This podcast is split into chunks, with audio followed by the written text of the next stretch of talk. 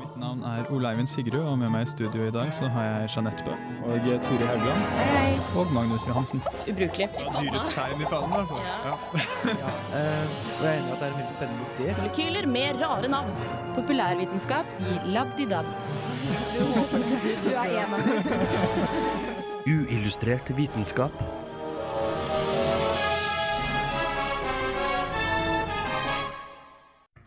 Ukas sending av Uillustrert vitenskap skal vi fortelle deg om hvorfor du bør sette ekstra stor pris på sjokoladen din fremover. Og om hva som skjedde på Forsker-Grand Prix i går. Vi skal også selvfølgelig dra vår store nasjonalhelt Thor Heyerdahl ned i søla.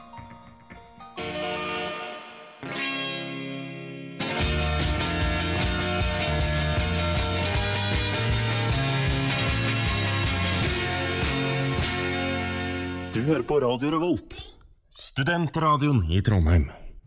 Det er sant. Og akkurat der fikk du litt amerikansk indie fra Crystal Stilt med 'Shake the Shackles'.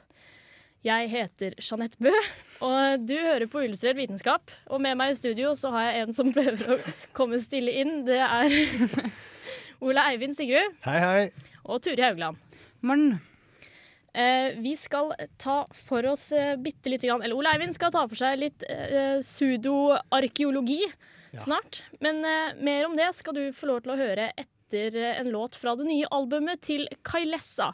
Låta er 'Distance Closing In'.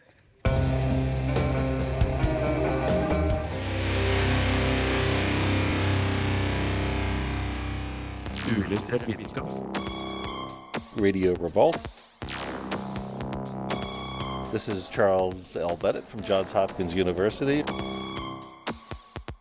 Science, it works, bitches.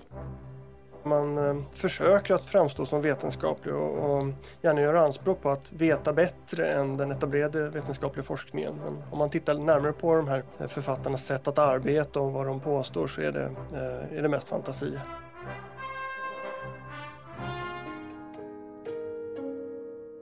Slik beskriver Martin Rundquist sudoarkeologi.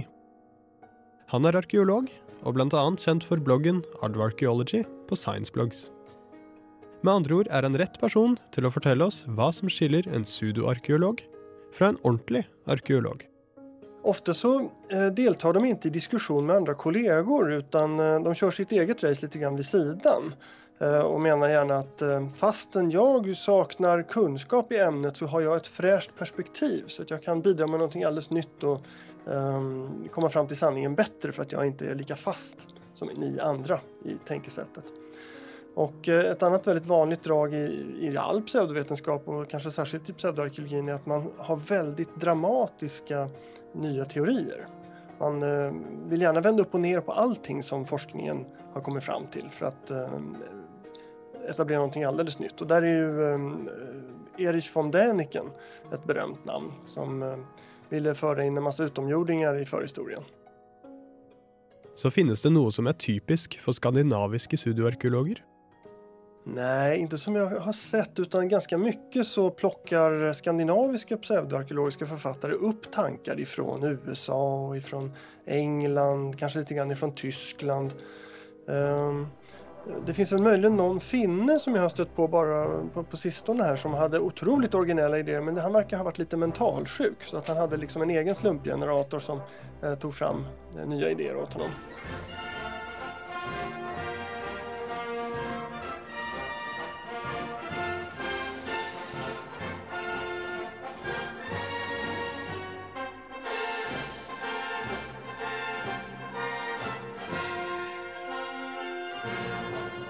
Radio Revolt. Ja, det var litt uh, sudoarkeologi der. Uh, intervju av uh, Ole Eivind. Men det jeg lurer på, er hvordan blir en person sudoarkeolog? Må man være mentalsjuk? Eh, det kan virke sånn til tider, men eh, nei, man må vel egentlig ikke det. Eh, jeg vet faktisk ikke helt eh, hvorfor folk blir det. Um, det er vel noe med Altså, de kommer gjerne opp med en eller annen eh, fin idé som de tror veldig på, og så prøver de å begrunne den. Det er gjerne den veien de går, uh, istedenfor å finne ut hva skjedde her? Uh, hva er dette? Hvorfor finnes finne Stonehenge? Eh, Hvem var det som bygget den? Og sånne ting. Så kommer de opp med en sånn fiffig grunn uh, for det, og så skal de prøve å finne ting som støtter opp om det. da. Uh, men jeg kan jo skjønne hvordan, eh, hvordan man blir litt sånn tiltrukket av eh, sånne snåle pseudoarkeologiske eh, ja, historier. da. Eh, for jeg husker jo eh, Det var eh, ja, ganske mange år siden nå. Eh, Så det var sånn første gang jeg snublet borti noe pseudoarkeologi. da. Så switchet jeg gjennom kanalene på TV-en, så så jeg en dokumentar på en eh, ja, en sånn relativt god kanal. Jeg husker ikke om det var på NRK eller BBC eller hva det var, men eh, det virket som om dette her var noe troverdig. da, og Det var i en sånn vanlig sånn dokumentarform, så, eh, så virket det som Nå hadde vi eh, funnet nye eller nye undersøkelser da, viste, viste at uh, Sfinksen var jo eh, sånn 15 000 år gammel, da, ikke sånn 5000 år gammel. Uh, og at eh, det var en sånn annen sivilisasjon før egypterne da, som hadde bygget Sfinksen. Eh, og eh, for meg da, som bare så på den dokumentaren, så bare oi, det var jo dødskult. Ja. Eh, wow, det er et kult nytt funn, tenkte jeg. Og så var det først eh, noen uker etterpå, da jeg eh, nevnte dette i en samtale til noen, og de bare hm, kan det stemme? At vi sjekket opp, da. eh, Med noen som visste litt mer om dette, og sjekket litt eh, kilder på nettet og sånne ting, og fant ut at det hele var jo bare tull. Eh, Men, men jeg kan jo på en måte skjønne at folk faller litt for det hvis man ikke undersøker det noe nærmere. Og jeg skjønner i hvert fall hvorfor det er spennende å på en måte tro at det er en supersivilisasjon eller aliens eller noe sånt. Ja. Samtidig så er det litt leit, da, fordi arkeologi i seg selv er jo sånn, sånn ekte arkeologi er jo spennende. Det er jo spennende å vite sånn hva som virkelig skjedde i fortiden. Uh, så det er litt sånn dumt at man skal da ja, begynne å pusle med sånn ren fantasi. Da. Hvor eh, ung var du da du så den her Svings... Uh Nei, jeg var, jeg var skuffende gammel. Jeg, jeg husker ikke helt uh... Ja, jeg trodde det var en liten gutt som eh, gikk og skulle sjekke fakta på nettet. Nei, nei, det var du gal? overraskende. Nei, nei, det var jeg vet ikke, det var før jeg begynte på universitet og sånne ting, men det var vel jeg vet ikke, ungdomsskolen eller Jeg husker ikke helt. Men det var Ja. Bra, da er du normal. Vi skal få høre litt eh, fra en engelsk DJ-duo som er kalt Leatherette. Eh, Her er låta Eye to Eye.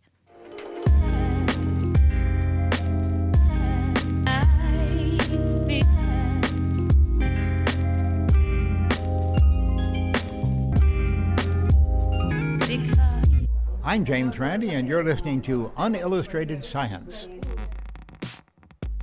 Det är lite invecklat att bemöta Tor Heyerdahl eftersom han, han hade ju ett suveränt förakt för ämnesgränserna.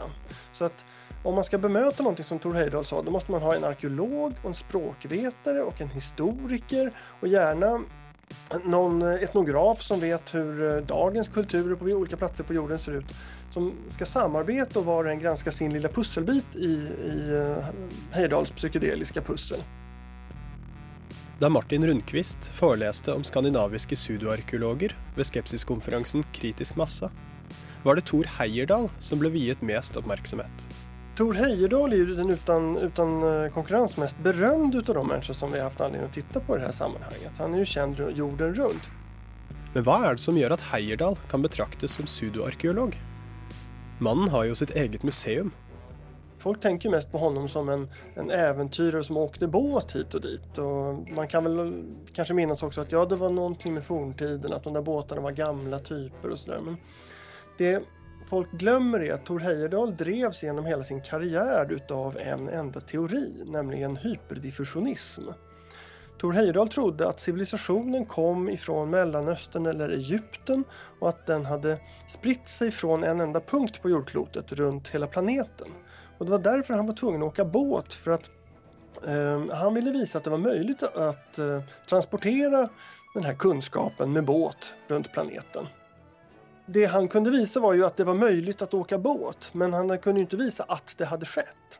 Utan ett arkeologiskt sätt att närma sig den här frågeställningen skulle ju vara att ta reda på, okej, hur ser tidig egyptisk keramik ut? Och sen så åker man till eh, Mexiko och så gräver man där och ser om man hittar motsvarande keramik där eller inte. Och på samma sätt då med Kontiki-expeditionen. Om man vill veta huruvida sydamerikaner reste eh, till Polynesien då ska man ta reda på hur ser arkeologin i Sydamerika ut. Sen så åker man till Polynesien och gräver där och försöker hitta motsvarande material. Och det har man ju aldrig gjort heller. Det var heller ikke slik at Heyerdahls hyperdiffusjonisme, hans ideer om at alle sivilisasjoner hadde ett enkelt opphav, hadde noen troverdighet i hans egen samtid. Nej, den hade blivit övergiven redan på 10-20-talet utav arkeologer. Därför att jo ju mer man grävde desto mer såg man att de olika platserna var eh, autoktona för att använda ett tekniskt ord. De hadde etablerat egna kulturer. Det är väldigt tydligt till exempel i Sydamerika där eh, folk kommer till Nordamerika först eh, i samband med istidens slut och har en oerhört ska vi säga, primitiv jägar-samlarkultur. Sen sprider de sig över Nordamerika och Sydamerika och därefter börjar de odla jorden helt spontant och de börjar bygga pyramider helt spontant och de uppfinner skriftsystem och statscivilisationer och sådär. Det finns inga tecken på att de hade några kontakter med gamla världen, de behövde inte det. Ekspedisjonene hans hadde med andre ord lite med vitenskap å gjøre. Men blir det ikke litt for drøyt å kalle ham pseudoarkeolog? Han var jo først og fremst eventyrer. Vel, da bør man jo nevne jakten på Odin. Mot slutten av sitt liv så var jo Heyerdahl mye inne på skandinaviske frågeställningar og och retade gallfeber på arkeologer och språkvetare historikere. Når han f.eks. hevdet at Snorre Sturlasons ideer om aserne var bokstavelig sanning. At Oden var en, en turkisk kung som hadde kommet resande til Skandinavien. Nu har vi återigen de här civilisationshjältarna som reser med kunskapen om civilisationen till avlägsna platser och lär mindre utvecklade människor hur man ska leva. Tor Heyerdahl han var väldigt intresserad av så här amatörfilologiska spekulationer, amatöretymologi. Så att det kunde vara så där att han hittar ett ortnamn eller namnet på en, en stam i Kaukasien någonstans. Och så tycker han att det där liknar något ord hos Snorre Sturlason lite grann. Så tycker han att det är ett tydligt bevis på att det finns en koppling. Jaha, ja. Men hvordan svarte han på faglig kritikk? Nej, han svarade inte på den. Han, eh, redan från dag ett så var Tor Heyerdahl liksom i opposition mot eh, den etablerade vetenskapen. Vi får inte glömma att Tor Heyerdahl, han hade, jag tror att han hade 14 äresdoktorat, men ingen grundexamen. Han hade alltså varken bifag eller hovedfag. Utan han menade att eh, vi som arbetar inom det akademiska är, liksom fast i ett gammalt tänkesätt och oförmögna att ta till oss nya kunskaper. Och eh, där är han en, en typisk representant för det här tänkesättet. Att man ska komma utifrån med friska nya tankar och vända upp och ner på allt sammans. Ja, det var jo selvfølgelig gode, gamle Mars Volta der med Wax Simulacra. Eh, jeg, jeg er litt usikker på hvor mye jeg har lyst til å stole på den her svensken som kommer og forsøpler mitt syn på den store folkehelten Thor Heyerdahl. Hva, hva pokker? Eh, hvorfor har ikke jeg hørt noe om det her før? Nei, det, det lurer faktisk jeg veldig på, jeg òg. Fordi det, det har jo vært velkjent, dette her, fra helt siden Heyerdahl begynte med alle disse ekspedisjonene hans. At, altså, vitenskapsmenn har jo aldri godtatt dette her som, eh, som noen gode hypoteser, og i hvert fall ikke som noen, eh, som noen bekreftede hypoteser. Eh, tvert imot så er jo eh, de fleste av dem ganske godt falsifisert, da. Um, men likevel, så eh, opp gjennom hele skolegangen min, så har jo Det eneste jeg har hørt om Heyerdahl, var jo eh, på en måte den flotte eventyreren, og dette her var kult og sånne ting. Og så nevnte de jo selvsagt litt om at grunnen til at han gjorde dette, var jo at vise at folk kunne reise, komme derfra til dit. Eh, men jeg fikk på en måte aldri noen Ble aldri fortalt egentlig at Og i ettertid har vi vist at det var helt feil. Um, Jeg syns de kunne legge til det, ja, det er i ganske, skolepensum. ganske sentralt poeng, vil jeg påstå. da. Og I hvert fall når det senere kommer inn på dette Odin-tullet hans. Ja, hva er, det, Eh, hva er det? Det har jeg aldri hørt om. Nei. Eh, det var Det var sånn tidlig 2000-tall. ehm, kanskje noe på sent 90-tall, uh, det er jeg litt usikker på. Uh, så kommer dette, ja, uh, jakten på Odin osv. Og, så og det, hele utgangspunktet da, det er at eh, han mener at Odin eh, var en eh, høvding fra Azov i eh, Sør-Russland.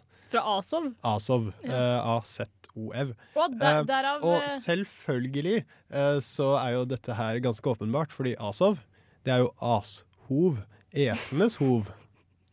Eh, som esene må jo ha kommet fra Asov. Selvfølgelig. Eh, så han mener at eh, Odin var en høvding fra Asov som flyktet nordover til Skandinavia eh, da han ble jaget av romerske herrer, eh, sånn litt før vår tidsregning. Um, og dette underbygger han med diverse arkeologi, historie og veldig mye sånn etymologi, stedsnavn, eh, sudolingvistikk. Um, og så er det jo selvsagt eh, at han leser jo da Snorresagaen som om det skulle være historie. Ja, og dette Eh, fikk han priser for. Nei, han fikk, eh, jeg vet ikke om han fikk noen priser for Odin-boken, men, i hvert fall den, den er jo ikke skrevet som et vitenskapelig verk. da. Den har en litteraturliste på sånn fire og en halv side, og den ignorerer jo helt moderne arkeologisk forskning på dette området. Og den ja, ignorerer generelt arkeologisk metode totalt. Eh, og all eh, lingvistikken og etymologien og stedsnavnslikhetene her og der eh, de bruker som argumentasjon, er jo stort sett heller ikke reell, da. Det er litt sånn typisk Asov. Ja, det må jo være Esenes hov. Sånne type ting. Um, men eh, Så man skulle jo tro at liksom vitenskapsmenn og sånn, de på en måte tok den jo ikke sånn nødvendigvis så seriøst, da, fordi den ble jo ikke publisert som vitenskap. Men i media så gikk han jo ut og på en måte ja, utga det for å være i vitenskap. Uh, og det er jo diverse artikler på nett da, av uh, ja, ymse fagfolk innen arkeologi og historie osv. som river denne her til fillebiter da, og går gjennom punkt for punkt hvorfor den her er helt fullstendig gal. Eh, men det er jo ikke så veldig populært da, for eh, norske forskere å gå ut og kritisere Thor Heyerdahl, fordi Thor Heyerdahl er jo Thor Heyerdahl. Eh, han Ja, må vi jo like. Men ja, fordi han har jo fått masse sånne her æresdoktorting. Ja, doktorater. Ja, det er det det heter. Da, jeg har de ikke lest Hvis de tar hensyn til all pseudoarkeologien hans, så er det veldig mistenkelig å, å gi han en sånn æresdoktorting. Ja. Nei, han har jo vært eh, fryktelig flink da, til å eh, skaffe midler til alle ekspedisjonene hans. Og eh, også for så vidt eh, eh, skape mye sånn interesse og engasjement da, blant folk flest. Eh, og dermed også da fått med tydeligvis en del ja, institusjoner som gir ham æresdoktorater. Jeg skjønner ikke helt hvorfor, men men nå skal det jo sies at han gjorde jo andre ting. For eksempel så eh, belyste han jo en del sånn miljøproblematikk og så med disse turene. Eh, så det kan jo godt hende at han har fått æresdoktorater på grunn av andre ting han har gjort, og ikke fordi han påsto at sivilisasjonen i Sør-Amerika kom fra Midtøsten. Ja. Men, men jeg syns det fortsatt er litt rart at eh, en person som driver så dårlig vitenskap, da, eller som egentlig ikke driver vitenskap i det hele tatt, skal få så mange æresdoktorater. Det er veldig snodig. Ja, men uh, over til noe helt annet. Vi skal få høre litt uh, tungeprog-aktige greier fra Ocean Size. Det her er Heart Cardiac.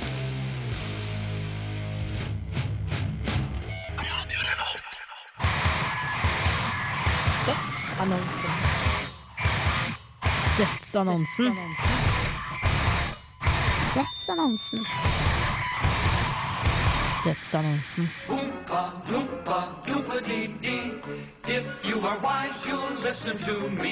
Disse dødsannonsene har vært prega av utdøende dyrearter. Men denne gangen er jeg redd vi må rette oppmerksomheten vår mot sjokoladen. Sjokoladeforbruket øker raskere enn produksjonen, og i tillegg mangler kakaobøndene insentiver for å plante nye kakaotrær etter hvert som de dør. Ifølge Cocoa Research Association vil dette bety at prisene vil skyte i været. Prisene har allerede doblet seg de siste seks årene, og de sier at innen 20 år vil sjokolade være som kaviar. Det vil være såpass sjeldent og dyrt at folk flest ikke vil ha råd til det. La oss nå ikke ta sorgene på forskudd. Det nylig sekvenserte kakaogenomet vil kunne bidra til å dyrke fram mer resistente kakaotrær. Men de nye og bedre kakaoplantasjene må forberede seg på hard konkurranse om arealene, fra soyabønner, mais og palmeoljeplantasjer.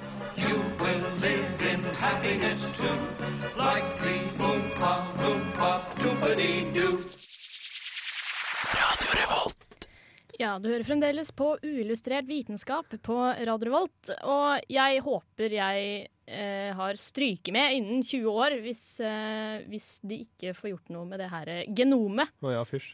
Ja. Det er jeg eh, enig i. Vi har forresten eh, fått inn en eh, SMS, av alle ting, fra, Yeah. fra en eller annen Håkon. Som er rasende for at vi kaster dritt på den store helten Thor Heyerdahl. Og syns at han skeptikeren trenger en motvekt. Vi, vi tar det til etterretning. Vi kan jo også nevne Hvis det er noen andre som har noen innvendinger eller noen saksopplysninger, så er det jo bare å sende RR 2030. Ja. Eh, eventuelt så går det an å sende oss mail når som helst. Uh, uv at radiorevolt.no. Veldig enkelt. UV. UV. Det er koselig. Over til uh, mer sjokolade. Å oh, nei, sjokoladen! Jeg satt og skrek nei! Ja, jeg, det, var, det var mitt bra valg av, av musikk der, som tror jeg kanskje eh, påvirka folk eh, av hvor alvorlig det her var. Men eh, som sagt, eh, eh, sjokolade eller kakao-genomet er jo, er jo eh, kartlagt. Ja. Eh, det Eller hadde vi det er i ferd med å bli kartlagt. Nei, det har jo blitt det, har det ikke? Nei, det var en sekvens av genomet som ble publisert. Å ja! Vi er på god vei, altså. Men jeg må si, jeg klarer ikke å bekymre meg helt. Det er selvsagt uh, litt sånn skummelt um, at uh, kakao er truet, men, uh, men likevel, jeg har såpass god tro på bioteknologi og muligheter for å gjøre det mer resistente mot ymse ting, eventuelt lettere å, å eh, ja, plante rundt omkring. At uh, jeg tviler på at uh, sjokoladen forsvinner. Vi elsker sjokolade altfor høyt til å la den planten forsvinne. Det er sant. Det da får vi er heller bare kutte ut litt uh, mais f til ære for, for sjokoladen. Hmm. Men vi skal nå få høre en låt fra det tredje albumet til Marnie Stern. Det her er 'Nothing Left'.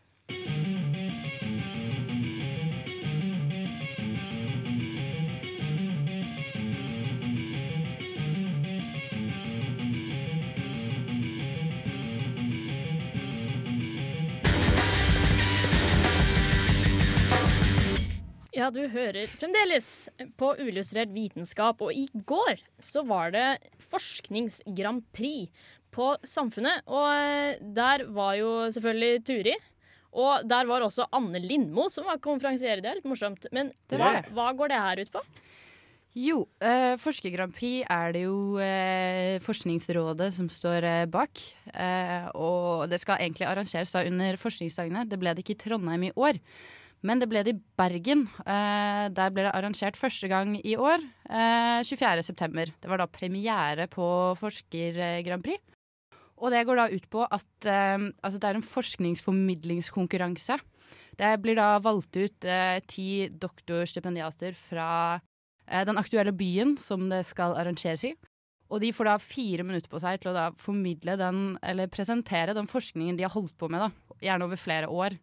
Og gjerne komme med en konklusjon, og det skal være veldig folkelig og utadvendt og flott og spennende. Så, så blir da på slutten en eh, vinner eh, valgt ut da av publikum og tre fagdommere.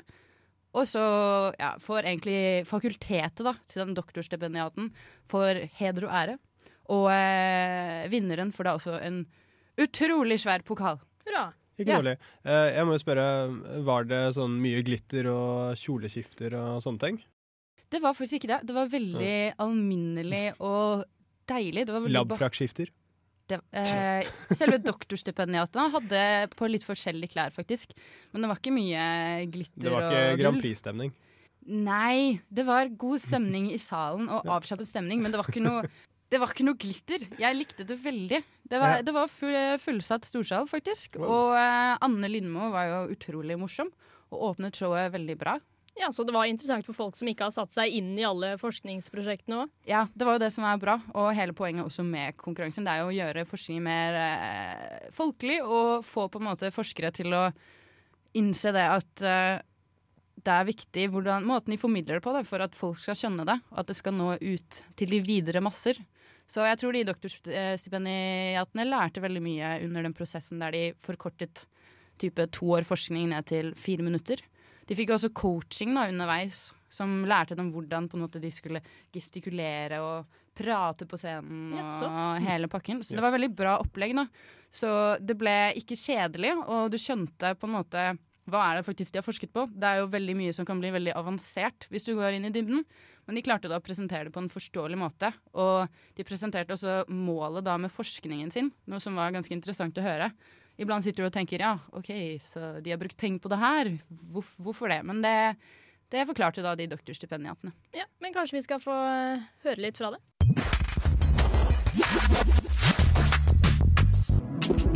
Jeg heter Ida Aglen. Jan Frode Hatlen, og jeg forsker på Jeg heter Inger-Lise Alsvik. Ja. Mitt navn er Tora Bonnevie, og jeg snakker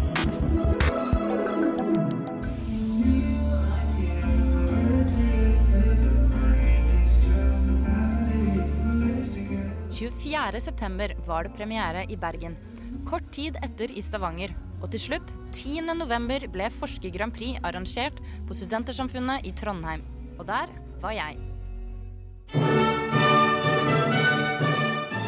Trondheim var konkurransen arrangert av NTNU på Studentersamfunnet i Storsalen. Anne Lindmo fra NRK åpnet showet og var kveldens programleder. Har gått imot kveldens programleder Anne Lindmo.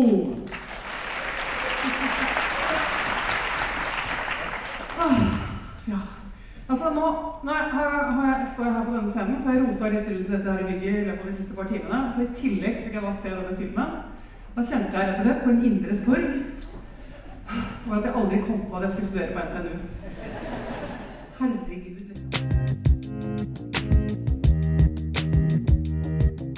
Etter alle kandidatene var ferdig, var det en 20 minutters pause.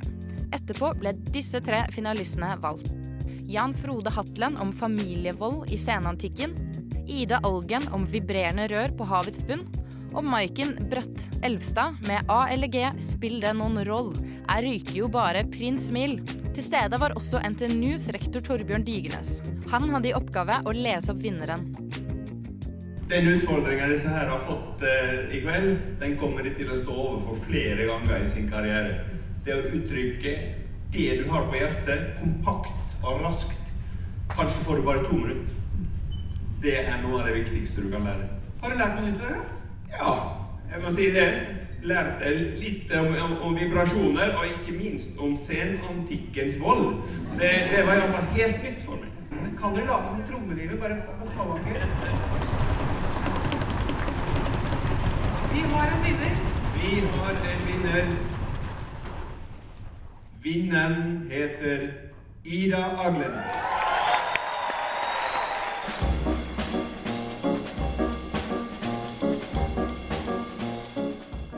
Aglen vant med sin forskning på vibrerende rør. Jeg heter Ida Aglen, og det jeg snakka om, var hvordan eh, rør vibrerer på havbunnen. Hva valgte du å legge vekt på i forskningen din? Eh, jeg prøvde å legge vekt på hvorfor det her var viktig for alle som satt i salen som hørte på.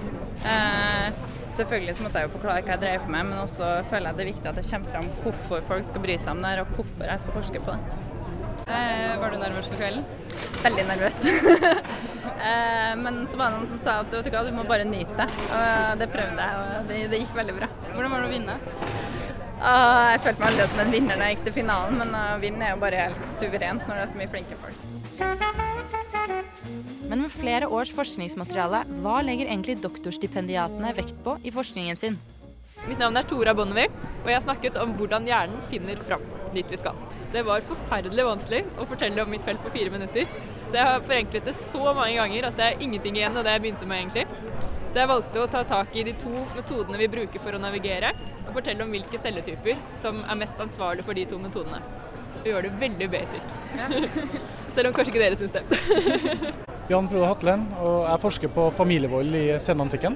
I de første fire minuttene så eh, la jeg vekt på eh, eh, annerledesheten i, eh, i tankegangen i antikken.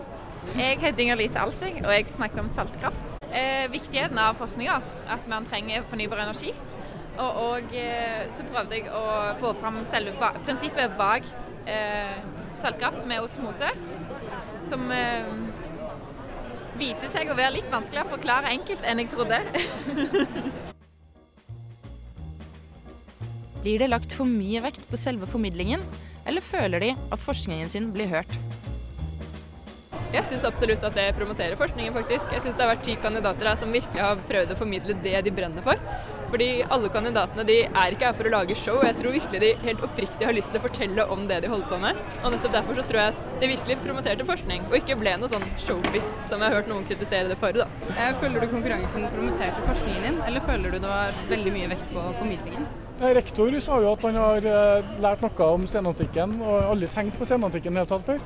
Det har jo jeg en kjempeseier da, når min egen rektor tenker på min forskning som, og trekker fram det som et av de områdene han har lært noe hver kveld. Og jeg fikk jo veldig respons i publikum også. Eh, begge deler. Jeg tror det først og fremst sier noe om viktigheten i at alle formidler det man forsker på, ikke nødvendigvis bare det jeg gjør. Og det at folk får litt sånn lyset opp for at ting må ut, det syns jeg er kjempeviktig, og det setter fokus på.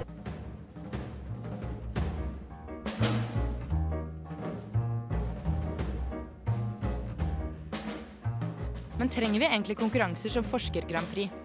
Er forskere i dag flinke til å formidle?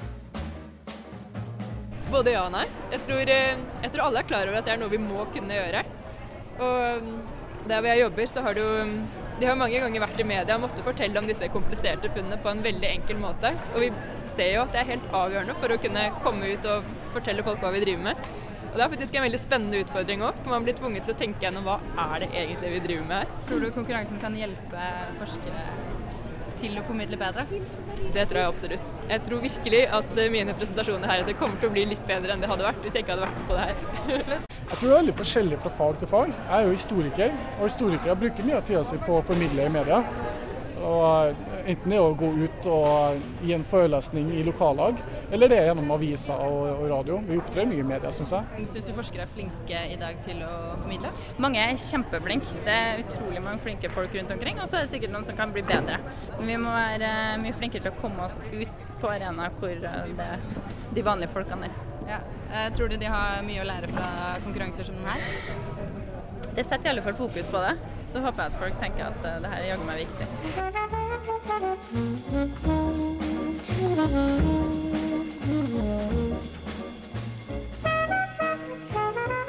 Og sist, men ikke minst, med fullsatt storsal blir ikke kandidatene nervøse. Var du nervøs før kvelden? Ja, veldig. Forferdelig. Jeg har ikke sovet. Eh, var du nervøs for eh, kvelden? Ja, jeg var det. Åh, ja.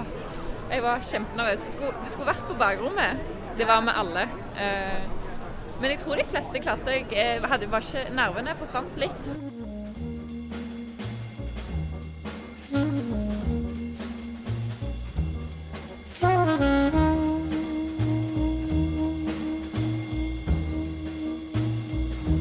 This is Alan Moore, and you're listening to Unillustrated Science. Det er korrekt. Eh, der hørte vi akkurat eh, gode gamle Motorpsycho med The Nerve Tattoo. Ja. Og, eh, Vakkert. Ja. Før det hørte vi jo en snutt fra Forsker Grand Prix. Det hørtes gøy ut. Ja, det var veldig vidt, vidt spekter av, av forskninger. Det var jo både Rør som vibrerer, som jo vant. Og jeg røyker jo bare Prins Mild. Lurer på hva det var. Hva, hva gikk det ut på? Eh, de skulle prøve å eh, Hva var det? Det er, det er da et gen nummer 15 i kromosomet i DNA-et vårt Jaså. som eh, eh, De mener at hvis du har gen A, da, så kan du enten få mer eh, lettere lungekreft hvis du røyker. Eller lettere lungekreft generelt. Eller så gjør du deg mer avhengig, og hun har liksom studert på forskjellen på A og G i det genet, da, i den sekvensen akkurat der. Så det er snakk om røykavhengighet, egentlig. Ja, ja. ja, fordi det hørtes veldig mye morsommere ut, uh, bare tittelen. Ja, den hørtes veldig morsom ut, og så var det ikke skuffende å høre hva det like egentlig spennende. Nei. Dessverre. Så jeg likte veldig godt uh, familievold i senantikken.